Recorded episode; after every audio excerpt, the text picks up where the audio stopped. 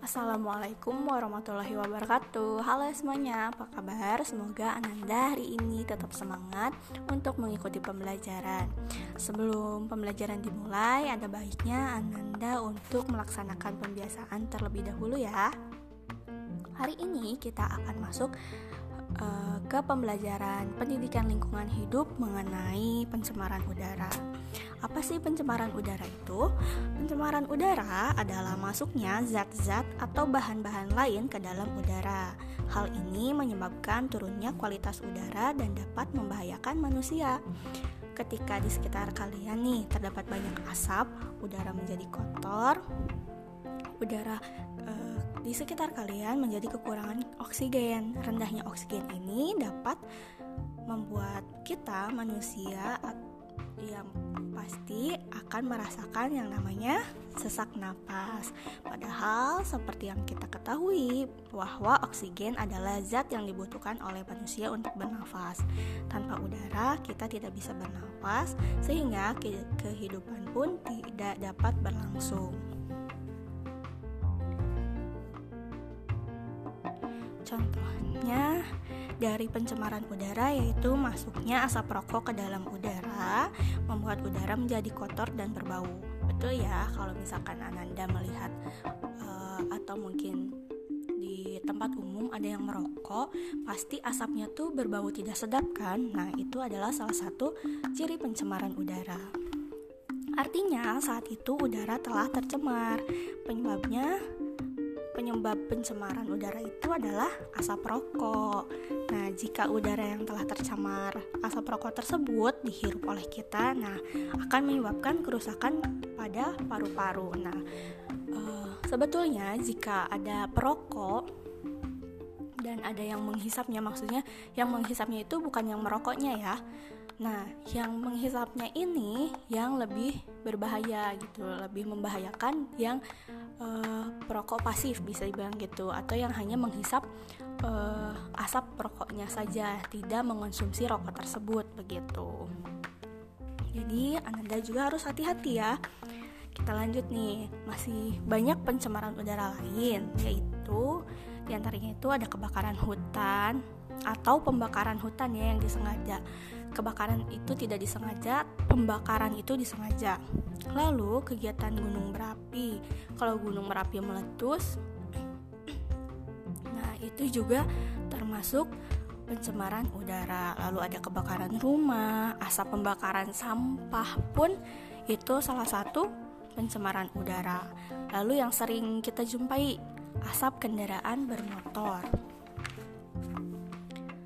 asap kendaraan bermotor pun itu adalah salah satu pencemaran udara. Lalu pembuangan limbah asap dari industri pabrik, asap rokok yang tadi, lalu sampah yang membusuk. Ternyata contoh-contoh kegiatan manusia yang menyebabkan pencemaran udara itu banyak ya dan itu uh, sedang sering terjadi seperti misalkan kendaraan bermotor makin banyak berarti pencemaran udaranya makin banyak sedangkan pohon-pohon yang ada tuh terbatas gitu sehingga uh, kesulitan mungkin ya untuk menetralisir eh, udara-udara kotor itu.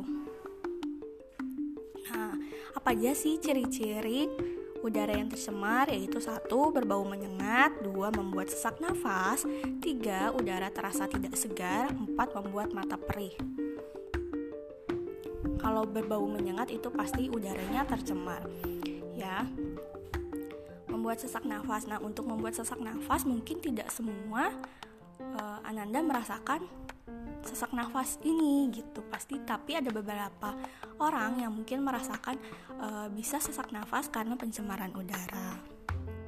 Nah, selain tadi ciri-ciri udara yang telah tercemar, nah pencemaran udara ini bisa membuat dampak yang baik, yang tidak baik maksudnya kepada tubuh manusia khususnya ataupun tanaman uh, atau makhluk hidup lainnya seperti munculnya perna penyakit pernafasan pada manusia seperti infeksi saluran paru-paru, asma, dan bronkitis. Lalu menimbulkan penyakit mata. Lalu ada juga mengganggu pertumbuhan tanaman dan menjadi rawan penyakit. Juga mengganggu proses fotosintesis. Itu kan berarti kelangsungan hidup makhluk hidup juga terancam karena pencemaran udara. Walaupun uh, kita bisa lihat mungkin hal yang sepele tapi itu berdampaknya jangka panjang begitu. Nah, gimana sih caranya kita untuk menanggulangi atau upaya apa saja sih supaya uh, kita bisa mengurangi pencemaran udara itu. Nah, ada beberapa cara, yaitu satu menggalakkan penanaman pohon ataupun tanaman hias di sekitar kita. Nah, uh, tadi seperti ibu sebutkan bahwa uh, kurangnya tanaman atau tumbuh-tumbuhan di pinggir-pinggir jalan ya bisa anda perhatikan bahwa tumbuhan yang ada di sekitar jalan itu uh, makin sedikit ya, malah banyaknya dengan bangunan-bangunan. Nah, salah satu caranya kita bisa menanam kembali pohon supaya udara lebih bersih. Lalu menggunakan bahan bakar kendaraan yang ramah lingkungan serta memasang filter pada knalpot.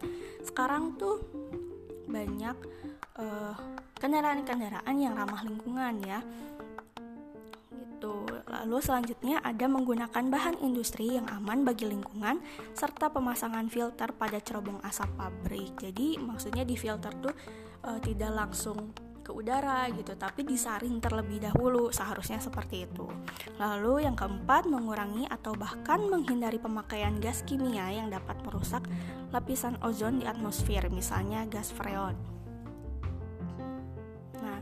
kita juga bisa mengurangi atau menghindari pemakaian gas kimia ini supaya tidak merusak lapisan ozon di atmosfer yang sekarang itu semakin menipis. Lalu terakhir menggunakan masker di lingkungan yang udaranya tercemar. Nah kebetulan untuk sekarang pasti di mana pun, kapan pun uh, menggunakan masker ya karena uh, sedang pandemi jadi semuanya dianjurkan untuk menggunakan masker. Nah, jika uh, suasananya sudah normal, penggunaan masker ini hanya untuk digunakan pada udara lingkungan udara yang tercemar begitu. Nah, itu mengenai pencemaran udara. Setelah ini akan ada soal latihan, silakan Ananda kerjakan soal latihannya tidak usah dilaporkan, maksudnya tidak usah difotokan, nanti besok di bawah saja supaya dinilai langsung. Gitu. Terima kasih sudah mendengarkan dan selamat mengerjakan tugasnya. Wassalamualaikum warahmatullahi wabarakatuh.